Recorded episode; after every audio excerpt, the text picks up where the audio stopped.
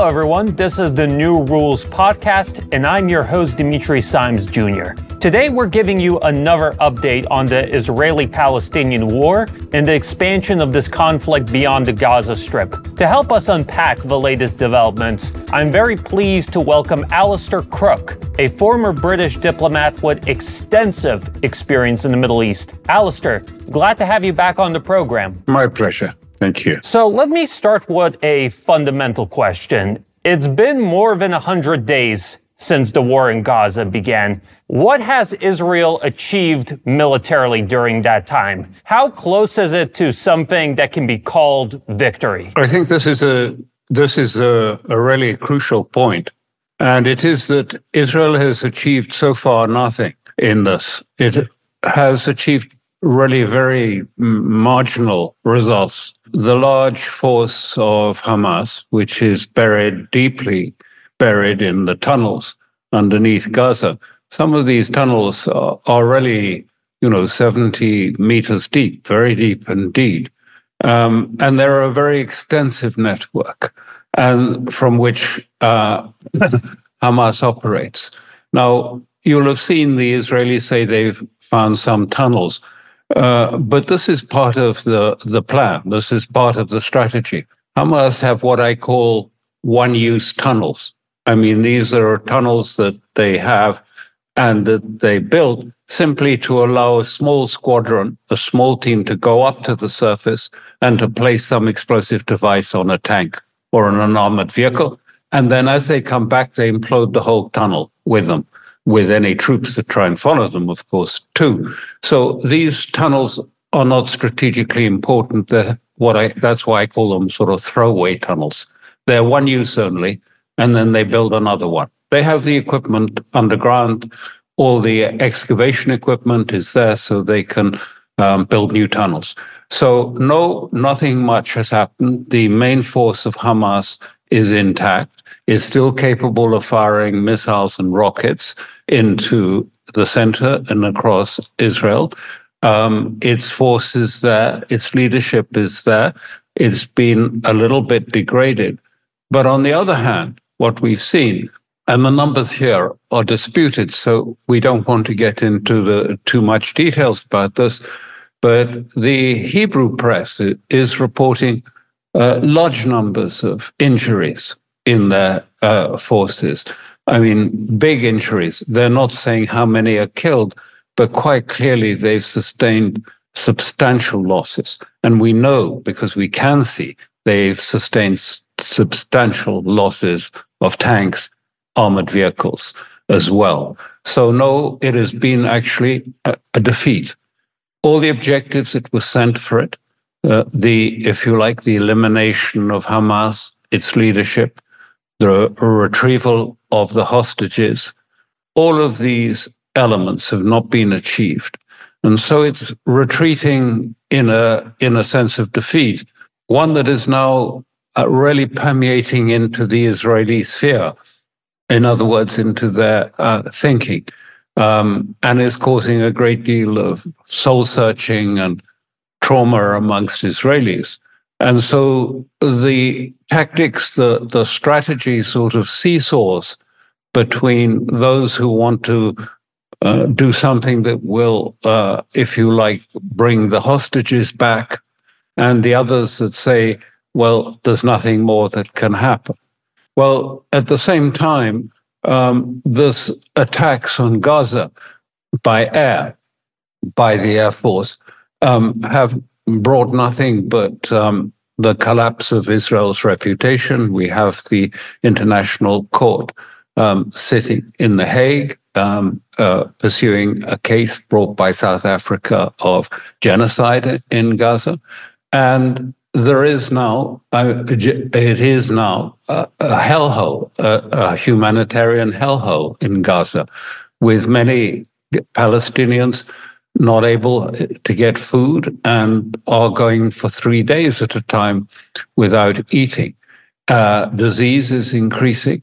Uh, it's not clear what you know what Israel thinks can be next with this. I mean, it's it's a disaster. um, for both in terms of the population, the civil population, and the extraordinary number of dead that has ensued by this.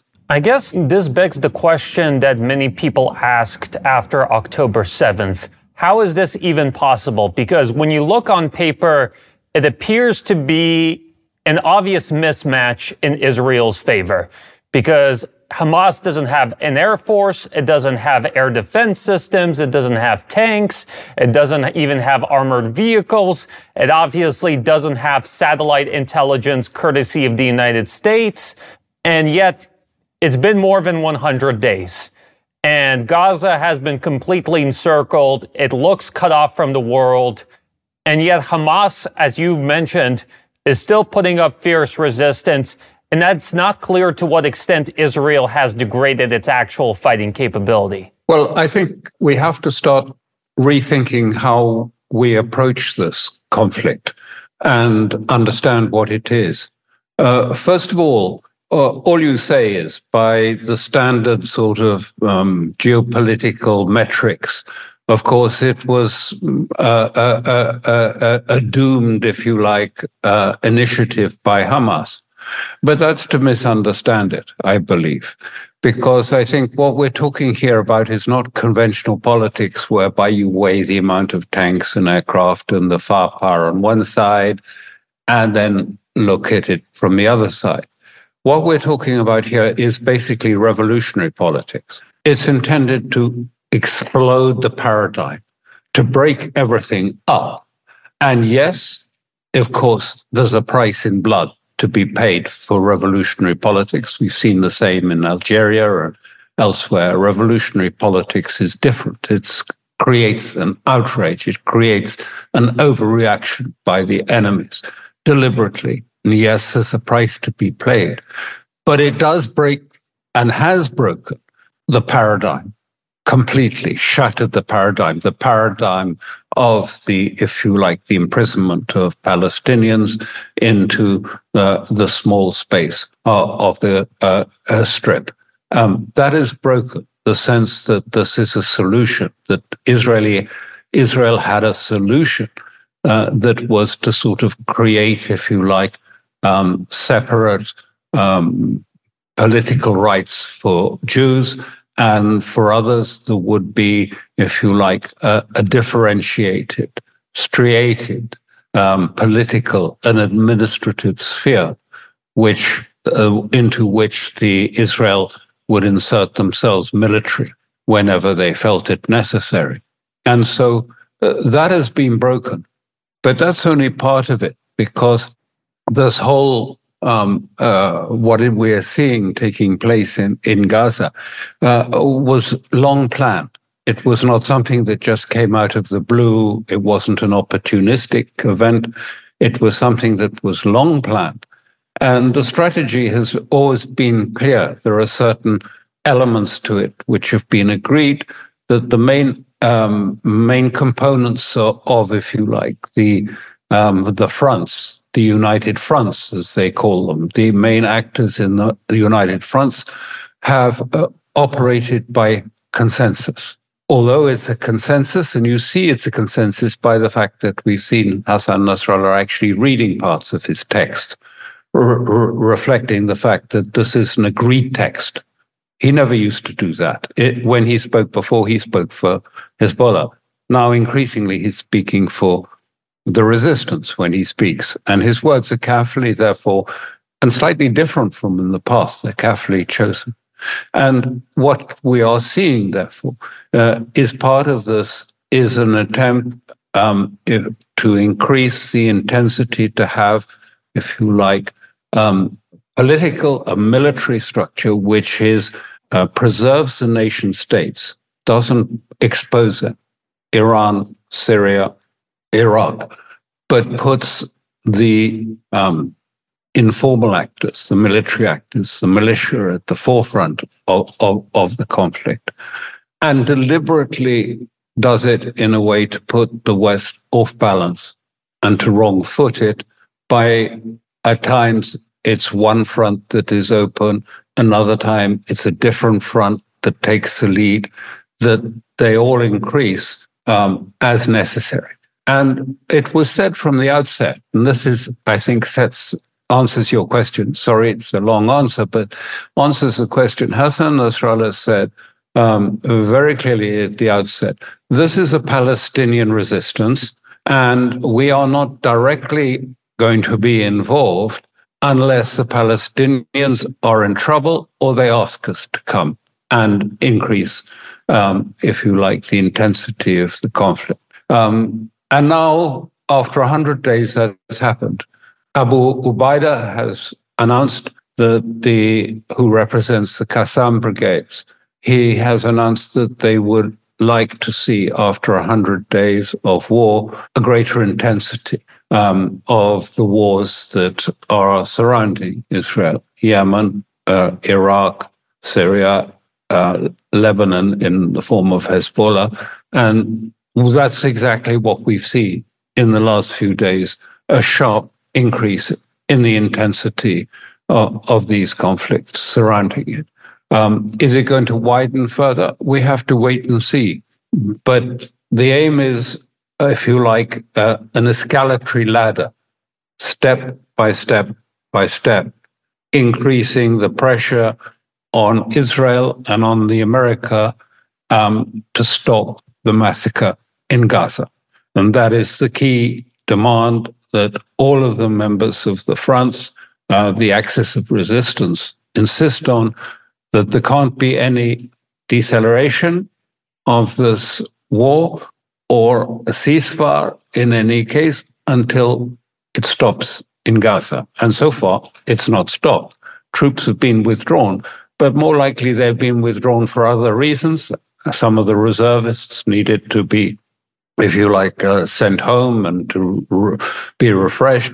And others probably are being deployed to the border with Hezbollah. Your point about Hamas being a revolutionary organization pursuing revolutionary aims, I think is interesting and important because it reminds me of North Vietnam, who was willing to endure significant devastation on the part of the United States as long as it was as it furthered its ultimate political a- aim of dislodging the United States and dislodging the South Vietnamese government from the country. Is it fair to say that we see a similar situation uh, with Hamas in the sense that it can take significant devastation, it can endure significant devastation in Gaza, but as long as it breaks the existing paradigm, as long as it makes Israel's previous existence in the Middle East untenable, Hamas is still able to achieve its political aims. I think that's exactly right. it, it is a, a, revolutionary and it's different. And I'll say why, because um, I, I, met um, the founder of Hamas um, years ago, uh, uh, Sheikh Yassin, and talked to him. And he said something that was really quite stunning at the time. And he said, Hamas Hamas is a liberation movement. It's not an Islamist movement. Anyone can join it. Christians can join it. I could join it. If I wanted you, it's open to all. It's a liberation movement. And he implied it was a liberation movement that was much larger uh, than just simply, it wasn't about Gaza. It wasn't just about the Palestinians. It was be a larger liberation. And in the sense, we've seen that reflected in the way in which Hamas has made it, um, centered it on, on Al Aqsa and saving Al Aqsa. Because what is Al Aqsa? It's not Shia, it's not Sunni, it's not Wahhabi, it's not Muslim Brotherhood. It represents, it's a sort of the icon of Islamic civilization over a thousand years. All of it. Uh, it's medical discoveries, its histories, its astrology, all of these things. This is a sort of civilizational struggle, um, if you like, for the liberation uh, of Islamic, uh, well, uh, uh, liberation of Islamic civilization from the colonial period. And so uh, you see, it's very interesting because when I watch some of the videos, of uh, hostages coming home in the Palestinian area, um, you hear and can see, you know, a very strong Islamic flavor to it. The language is Islam. People get down, they kiss the ground. um, of, of, of Palestine. But it's not a specific Islam. It's not an ideological Islam. This is civilizational Islam. And civilizational Islam is being married here to a liberation of force. And this is something I think that is, is quite new in the region and is a very powerful force because we haven't had, if you like, Islam and nationalism linked together since about the 50s. Um, and after that, the Americans used um, political Islamism as an attempt to contain and destroy, if you like, secular socialist um, uh, Baathism and other forms of um, uh, secular uh, Islam, uh, secular uh, uh, structures in, in, the Middle East. So I, I think we are seeing something revolutionary and new taking place. So the way Israel has responded to this revolutionary strategy by Hamas has been mass bombings. It has been, you know, to try and deprive Gaza of electricity, food, fuel, and of course to send troops into Gaza. Is this an effective way of fighting Hamas, or is Israel merely walking into a trap set by Hamas? Well, I mean, certainly there's no military logic to this at all, um, because um, the, if you like, if we call it the battleground, is on two separate planes. There's on the surface plane, um, which is basically the civil plane, and there then there are the tunnels underneath, which are on a completely different plane and are extensive, four five hundred kilometers of tunnels. Some of them big enough. They have hospitals underneath. They have armories. They have storehouses. You can drive a car up and down the bigger tunnels. And certainly motorcycles are continuously. So you have a completely um, integrated tunnel scape underneath the surface. Now, all Israel is doing is just going in at the surface level and bringing his forces in. And then all they are doing are meeting with these small squads that come out or, or from uh, Hamas small groups, three, four men, to come out, either place an explosive device on a tank or attack um, the Israeli um, forces. But it's quite, you know, it's quite a different level. So what are they doing? I mean, when they come in, they're bombing. They're bombing civil structures. They're bombing civil Gaza. But the forces that are, are opposed to them are sort of 60 to 70 meters below the surface and have a different, if you like, m- movement mobilization. So when they say they've cut off part of Gaza, yeah, they've cut off a segment of surface Gaza. Doesn't mean they've cut off underground Gaza, the substrata of Gaza. So it doesn't make any military sense. It's cost Israel a lot of injuries and deaths amongst its troops, a lot. It's slowly coming out. The other day, the Jerusalem Post put it at something like three, 4,000 people severely injured. They don't say dead, but they just say severely injured. We know it's, it's high. Uh, we don't know, have the figures because of the censorship. But um, certainly it's I mean, you know, elite groups like the Golani have lost nearly, I mean, they lost a quarter of their troops in the first week, and they've now been withdrawn to be reformed, formed. So, um, yes, it, it hasn't had any military logic to it at all. It doesn't have any political logic, as far as one can see, either, other than possibly the political logic of making the situation so desperate so impossible to survive in Gaza that they hope that perhaps we will have they will have Palestinians storming the gates of Rafah or pushing through and into the Sinai. Um, but uh, I don't think the Egyptians have any intention of letting that happen. That actually provides a perfect segue for my next question because Israel's stated objective is to destroy Hamas, but it's not clear what exactly its post war plan is, what its day after plan is. Of course, we're seeing growing reports of different ministers within the Netanyahu government float the possibility of a mass resettlement of Palestinians from Gaza and a long term occupation of the Gaza Strip by Israel. What do you think? How do you see Israel's endgame? What is it? Well, to be a little paradoxical, I think that the lack of strategy is the strategy. That actually they are deliberately moving into the opaque and the ambiguous. And there's a long history to this. I mean, this is essentially um, the strategy that was espoused by Ariel Sharon when he was prime minister.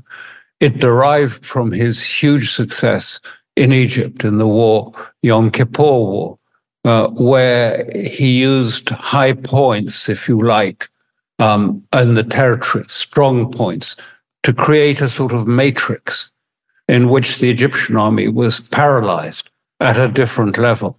And so Israel has tried to manage um, the paradox of at the heart of um, Zionism, which is how to have exceptional privileged rights for Jews amongst and in a territory in which there's a large proportion of non Jews, Palestinians, who are effectively an outgroup within the state. And that was done by ambiguity, not setting the frontiers, not setting the ambitions, but to create separate administrative space. I, you know, Palestinians can't move here. They have certain roads they can use on, other roads they can't use on, separate administration space, separate political rights, and separate geographic space. And so they have taken the area and sort of striated it into different levels in order to get over the paradox of how do you have, if you like, uh, a large proportion who ultimately, of course, will ask for equal rights, whose population numbers grow at the same time. And how do you manage that? Um, and at the same time, as um, Israelis have made it absolutely clear, you know, the Zionist project is to have the state of Israel open to any Jew anywhere in the world coming and arriving in Israel and being given land, water, electricity. And only that can be done by having differential rights. And this is a paradox that has been broken on the 7th of October. It's a really important point. And I'm glad you raised it because you know, what has really happened was the blowing up, blowing apart of the basis of the Zionist project in, in two different ways. It, it's blown up that whole structure that has been used in the territories in the West Bank and in Gaza, if you like, to sort of have you know separate levels and with the Jews maintaining a Jewish state, but also claiming to be democratic. And the contrast, I mean, the contradiction in that is, is perfectly evident. And it became more and more repressive till it became effectively the two state solution was the apartheid state, effectively, in, in that. So you, you, that has been destroyed. But the other part of it, and I think is not properly recognized either, is that with that, we had a huge displacement of Israelis from their homes around Gaza, but also in the north. They were um, evacuated by the Israelis. And there's, if you combine the two components, I, I gather, according to the Israelis, there are something like 250,000 displaced Israelis sitting in hotels on the Dead Sea who want to go home and Gallant, the defense secretary, said, We uh, tell you, we guarantee you, you'll be going home by the end of January. Well, I don't think that's going to happen, probably. But nonetheless, they want them home. But this is the point that is really key to understand here. What was the Zionist project? It was a project that any Jew that came to live on the land of Israel knew that the IDF, the Israeli army, had their backs. If anything happened, the IDF would be there in an instant and any attack would be thwarted.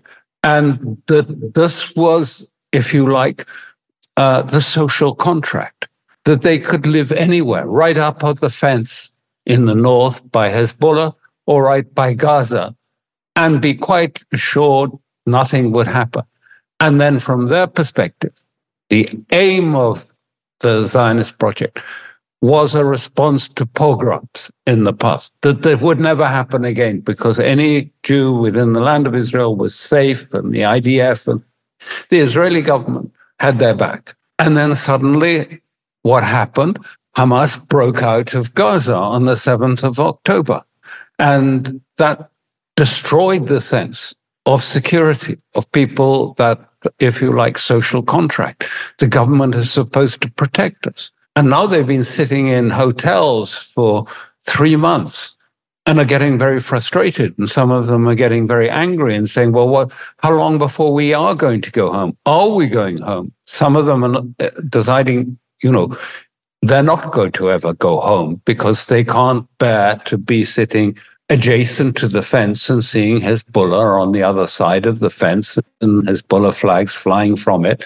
And they won't go back in those circumstances. And they've said that very, you know, the leaders of Metula and these other towns on the border have said clearly to the Israeli government, sorry, we refuse to go back until it's safe. And this has exploded the second part, if you like, of the Zionist project. The first one was this elaborate sort of structure that allowed Israel to have differential rights and differential privileges for Jews and for non Jews, uh, the outgroup in their society, living on the same terrain. Uh, and the other part of it was that uh, this was to be uh, provide a safe place for Jews from all everywhere living on the land of Israel and that they will be their security was guaranteed. Both of those have been exploded. I want to remind our audience members that you are watching and listening to the New Rules podcast. I'm your host, Dimitri Simes Jr., and our guest today is Alastair Crooke. I guess that begs the question, though, you know, if the mission, if the overarching goal is this sort of ambiguous need to restore a sense of security among the Israeli population comparable to that that existed prior to October 7th, doesn't that mean that it's not enough to fully destroy Hamas in the Gaza Strip? Because as you mentioned, there's Hezbollah in the north, there's, you know, growing displeasure with Israel, growing anger at Israel in the West Bank. There's obviously the Houthis in Yemen. Doesn't this mean that even if Israel wins in Gaza that it's going to have to begin a new war to fully cr- restore the sense of security, to restore the sense of overwhelming su- military superiority over its neighbors. No, you're exactly right. I mean, and this is something that hasn't been really grasped by the international community. Um, that you know, this is this has changed the paradigm. It's changed the the Zionist paradigm, not just the Palestinian paradigm. Uh, and that, yes, it does involve, um, and likely will go back to the sort of principles that uh, Ariel Sharon used in the war against Egypt. And as I say, of disregarding frontiers, disregarding boundaries, of having complete elasticity of movement, a radical view of military space, which was also dissected these matrices of strong points around about. Whether they're strong points in a physical sense, like the settlements were strong points in the West Bank to control the West Bank, or whether they're strong points created from by the Air Force, i.e. in Gaza or whatever happens in Lebanon. I mean, essentially, this is the idea is to create sort of strong points. And inside that, they have to decide. I mean, the aim of this sort of uh, techno uh, um, uh, ambiguous structure that was imposed on Palestinians um, by Sharon and sort of refined over the years, which is now broken. Um, the, the aim of this was to effectively make Palestinians disappear. And for most Israelis, if you lived in you know, Tel Aviv or Herzliya. I mean, you know, you didn't see they, you didn't see Palestinians except the gardener who might come in and tend to the lawn, but they were removed from sort of being a presence that Israelis friends. They were disappeared. And if this doesn't work, then the logic of the argument is that Israel needs a war to make them disappear in another way. Uh, and this is why I just I believe that the the West does not grasp you know what they're dealing with. It's not another two-state solution problem that you're going to produce. It's quite clear. I mean, a two-state solution is radically incompatible with Zionism. Either they have to give up Zionism, which is dependent on there being special rights for Jews and Jewish law and a Jewishness of the society, or they have to find another way of solving the question of what is the future of Zionism. And as far as one can see, I mean, that is the burning issue that is causing the cabinet and everyone to sort of fight like rats in a bag because, you know, there's no sort of sense of where, where to go now. Uh, people are reluctant to sort of get rid of the, the apparatus, but in the sense that everyone can see it's failed. So you look at the polls in Israel. I mean, there's no support now for a two state solution at all. There's no support for living next to Palestinians um, or Arabs, or, or, if you like, um, um, Hezbollah, Shi from, from the north. They don't, uh, they don't trust that. They don't want it. The two state solution has been over for some time. And this marked the 7th of October marked its demise. So, what is the West, you know, going to do about it? I mean, this becomes a much bigger question because if you look at what's been happening with the um, the uh, the court, the court in The Hague, um, examining the question of genocide. I mean, I don't want to go into to that in any detail, except to say that what is so important and being missed is that for much of the global south and the rest of the world, it's not just Israel that is, if you like, being questioned and on trial in this courthouse. It is the West and Western colonialism and Western practices, colonial practices. And we see this reflected in, for example, um, in Namibia. The Namibians are saying, okay, this is going on. But what about the genocide that Europeans practiced on us before? What about these other genocides that have taken place during the colonial period? Somehow you've forgotten all about this. I think with I, I can't, you know, it's still un, unfolding, so I can't pin it down exactly, but I think we're seeing a big shift in in in a sort of global awareness and global thinking, and that's going to have big geopolitical consequences, I feel, in the future Uh, uh, uh, as we we go on, because you know this is not just about you know another case of Hamas sort of needing to have them grass mowed. It's much bigger than that. It's touched on things across the world. I mean, uh, the Arab world is boiling at the moment so angry about what they see every day. Of course, living in the West, like I do, I mean, you don't see these images from Gaza anymore. I mean, you didn't even see the, you know, the court case brought by South Africa that was excluded from mainstream um, media. Only the second day with the Israeli defense was it covered properly. So I have to ask a question that I think is on the minds of a lot of our audience members because we've seen over the past several weeks, Israel intensify its airstrikes against southern Lebanon. They killed at least two uh, senior-ish Hezbollah commanders in the process. Uh, we've seen the fact that the Israeli government has instructed hospitals near the border with Lebanon to be prepared for a surge in patients. Does that mean that a war between Israel and Hezbollah is inevitable? Uh, you know, I always try and avoid the word inevitable in geopolitics because so often got things that I thought were inevitable wrong.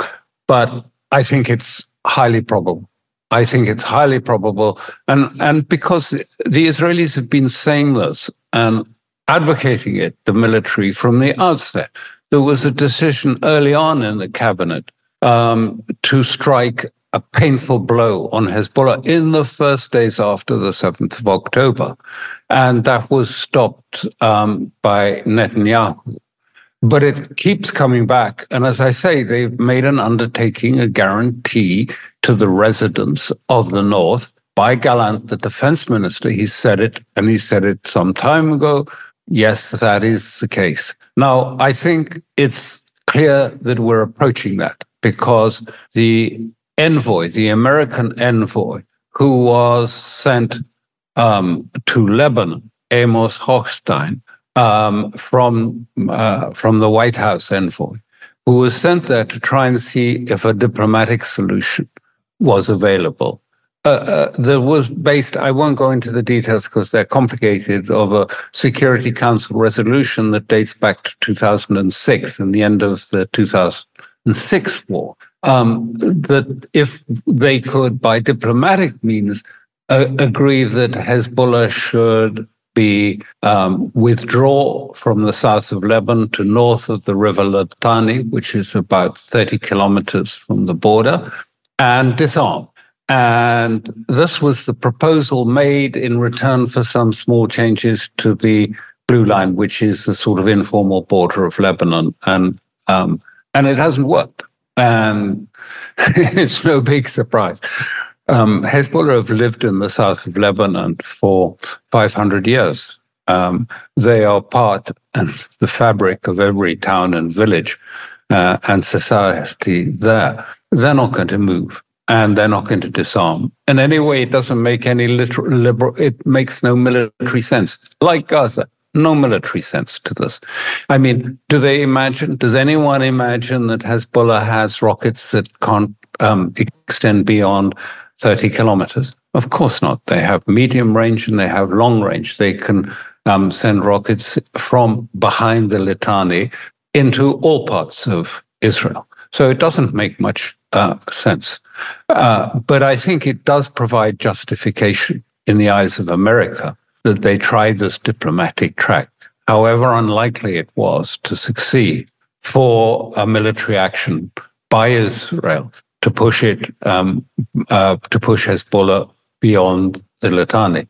And just to make this clear, I think, to your um, viewers and listeners, in that um, in this um, in this last meeting um, when um, Blinken, Secretary Blinken, was in Israel. I mean, last week I'm talking about. It was made very clear uh, to him, both by Minister Gantz and also by the President of Israel, speaking on behalf of Netanyahu. And Netanyahu said, "I stand by our decisions to remove the threats to Israel both in Gaza and in the north in Lebanon.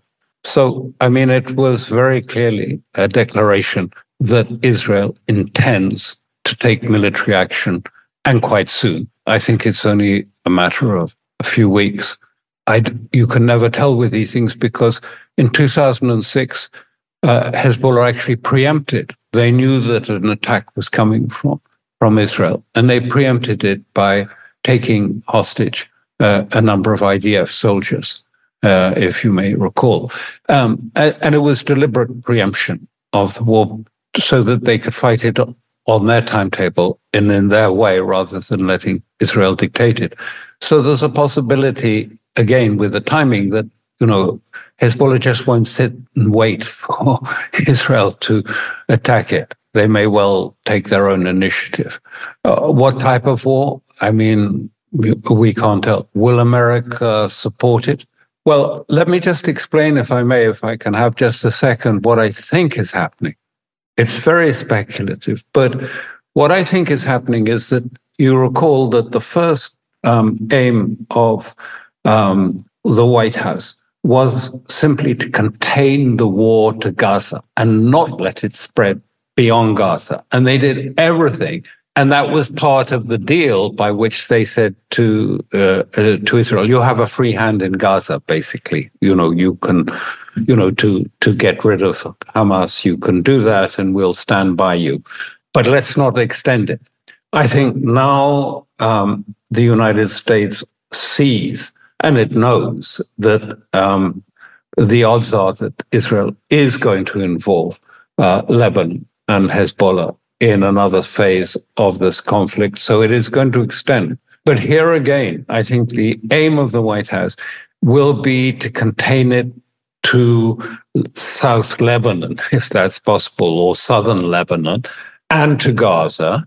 And to do that, they are doing these sort of what one person interestingly called therapeutic missile strikes on places like Yemen, which again have no real military sense, but they are intended to send a message to say, basically, we don't want all out war across the region. We don't want that. We don't think Iran wants that. So, you know, try and st- stay in line. And certainly, um, the White House has been sending multiple messages to Iran, sometimes almost three a day saying, We don't want war with you. We're not looking for war. And you will recall that that was the same message um, that the um, uh, State Department spokesman uh, sent to the um, Ansar Allah, the Houthis, saying, Listen, uh, we're not looking for war. We're not looking for sustained conflict to you. So it's a sort of, I think, an attempt to try and, you know, again, extend the sort of the effort to contain the war to Gaza, to extend it to contain whatever may happen in Lebanon, but not let it spread to Iraq or beyond, or Syria, or uh, any further, and certainly not to to to Iran. That is a bridge too far. Um, and they're worried about Iraq, particularly because that could easily turn into a quagmire. There are some 15 American bases not well defended, and that could easily turn into a quagmire. You know, I think what I find most stunning about this whole situation is I remember the discourse back in October. And at the time, everyone described a two front war in Gaza and Lebanon as the worst case scenario for Israel, a, you know, existential threat to Israel's future. But now we're seeing not Israel marching into this scenario itself. I guess my question is this what should Israel expect from a military standpoint if it tries to attack Hezbollah in southern Lebanon? You know, I mean, again, I think uh, we should not look to this, as I said before, when you're talking about revolutionary politics and events, you can't, you know, use sort of standard mechanical rationality to deal with it. I think that uh, Israel has suffered major setbacks in this period. Uh, setbacks in Gaza, setbacks internally. Um, the West Bank is on a knife edge. There are problems that are developing there. Um, the government had a, a, vote against it in the um, Supreme Court um, by one vote. Uh, and then it now faces this court case in the in the Hague accusing it of, of genocide. It desperately needs some sort of victory. It needs something to bring people together. And quite often, you know, my experience, I've spent a long time in conflicts of one sort or another. It's actually the emotion and it's uh, the psychic element, the psychological element that is most important more than the rational. And I think um, uh, Israel needs something now to counteract um, the setbacks that it's been facing. And it's more than just setbacks, it's to counteract that real sense. And I've alluded to it before, but I want to underline it again. It is the whole Zionist project that people fear has been destroyed. The whole Zionist project has been destroyed. And that is something that is a cause of great fear uh, to ordinary Israelis because they don't know what comes next, what is going to happen. And the whole of Israel, in fact, in their sense, could be in jeopardy. So, you know, thus prompts people to want to try and find some military outlet that will provide some sort of semblance, some sort of idea of, of a success. I, uh, and I, I understand the implicitness to what you're saying. The implicit is, isn't this a huge risk? It is a huge risk. The Hezbollah of 2006 is not the Hezbollah of today. It is much more, it's probably one of the, perhaps the third biggest military force in the region.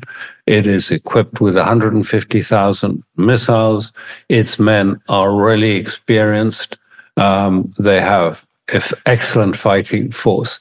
Um, is it a risk? It's a huge risk. Does it make rational sense?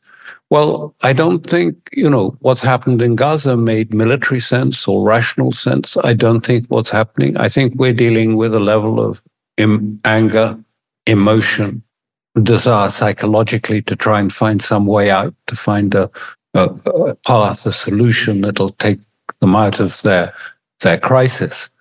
Um, but certainly, yes, the the point you're making uh, implicitly is, isn't this another foolish venture? And of course, this, in a sense, fits in with what I said. You know, that this has all been long planned this entire process um, uh, has been long planned and uh, and is designed to sort of draw Israel into making mistakes. And the bigger the mistakes, the closer it comes to a final denouement. Um, and I mean, that is the object, is to bring this to a denouement and to end, if you like, um, the whole of the, the paradigm it's not Hamas was just the first, if you like, the first point, the first trigger to a succession of possible events that may unfold um, uh, over, over, this period. So uh, I, I, think, yes, it doesn't make much sense. I don't think we're in it. And I, uh, if I may add to that, I don't think the you know, the Western response makes much sense either. I mean, it's, you know, this, there really is. I mean, it's just, you know, they're 20 years out of date to start saying, oh, let's go back to the two state solution. It's just, you know, it, it hasn't been available for a long time. The two state solution, the Oslo, Oslo Accords were never really designed to bring about a proper two state solution. Um, they were designed because I was quite deeply involved with them at some stage, essentially to give Israel the maximum space so that it could negotiate what was uh, eventually to become, you know, this two-tier state um, that some call an apartheid state with some validity um, uh, uh, as it, as its outcome, uh, and it hasn't worked. That for some time it seemed as if it might work, but it hasn't worked. So where does Israel go? And where do you see any thinking of this in Europe? None, none at all. You don't see anything except you know statements that are uh, um, really just sort of repetitions of narratives. In the United States, Biden has a long history of support for Israel. I mean, this is visceral, you know, deep gut support for, for Israel. It's not a rational thing. Again. Yeah. So we are in a period of sort of irrationality, I think. Yeah. And I mean, I do, that actually brings me to my next question, which is about the American position, the American pathway in all of this because there has been growing signs of frustration with the by, by the Biden administration towards the Netanyahu government, both publicly and privately. And it makes sense why, because the Israelis, as you pointed out, are acting irrationally and taking very big risks. But it seems like Biden is caught in a catch 22 situation because on the one hand, as you mentioned, and as we discussed throughout this program, this carries massive geopolitical risks. And it's gotten to the point where it actually carries domestic political risks for Biden because Muslim Americans are furious, young Americans are furious, and it could be very personally disadvantageous for Biden. But at the same time, it it is also very risky for Biden to go in a head first collision with the Israel lobby in Washington. So it's hard to imagine Biden trying to pressure Netanyahu into a ceasefire or, you know, trying to even pressure him not to go into southern Lebanon. So I guess that begs the question where, what does Biden do from here? How does he solve his seemingly insolvable Israel problem? I don't think there's an easy solution to this. He walked into this. I mean, he, I, I, and, and there's a long history. I mean, if you ask me where Biden stands, I would say that ultimately, uh, and I wrote a, a, long piece about this recently, going through its history. Uh, he stands to the right of some members of the cabinet in in, in Israel. I mean, he's a, a hardliner. Um, during an earlier period of the invasion of uh, Lebanon, I'm not talking about 2006. Before that, I mean, he he he was quoted as, saying to the Israelis, "Well, I don't think you should worry about civilian casualties or children or, or, or, or women being killed in this. I, if it was me and someone invaded, I wouldn't bother with that. And it, he's also has a history. Um, when Obama briefly tried to uh, insist on a halt to the settlements and a two state solution um, during his period in office, and actually, uh, Secretary uh, um, Clinton actually warned Netanyahu at the time. He said, she said, you've got 24 hours to do what we tell you, or else there'll be a dramatic change in our relationship. Um, Netanyahu, who was pretty stunned by this, turned to Biden, and Biden said, Oh, this is hot headedness in Washington. I'll deal with it when I get back. No need for you to worry with it.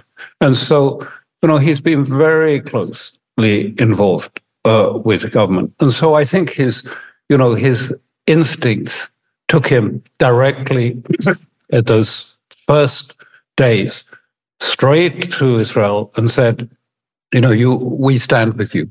You have a green light to do what is needed in, in Gaza. And I presume, you know, he was thinking about the old days when, you know, is periodically there would be some rocketies rocketing from Gaza.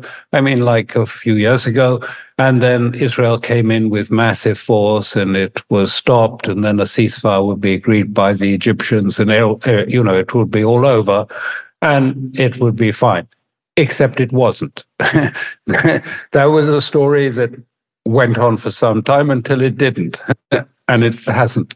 And so um, they have he has a great difficulty now. And he's effectively given a green light for its extension to, to, to Lebanon. And we don't know where that will go. I, you know, what's happened before in Lebanon. Um, uh, you'll know the history. It's it's not simple. It's not clear what will be the consequence of this. But he doesn't seem to be concerned.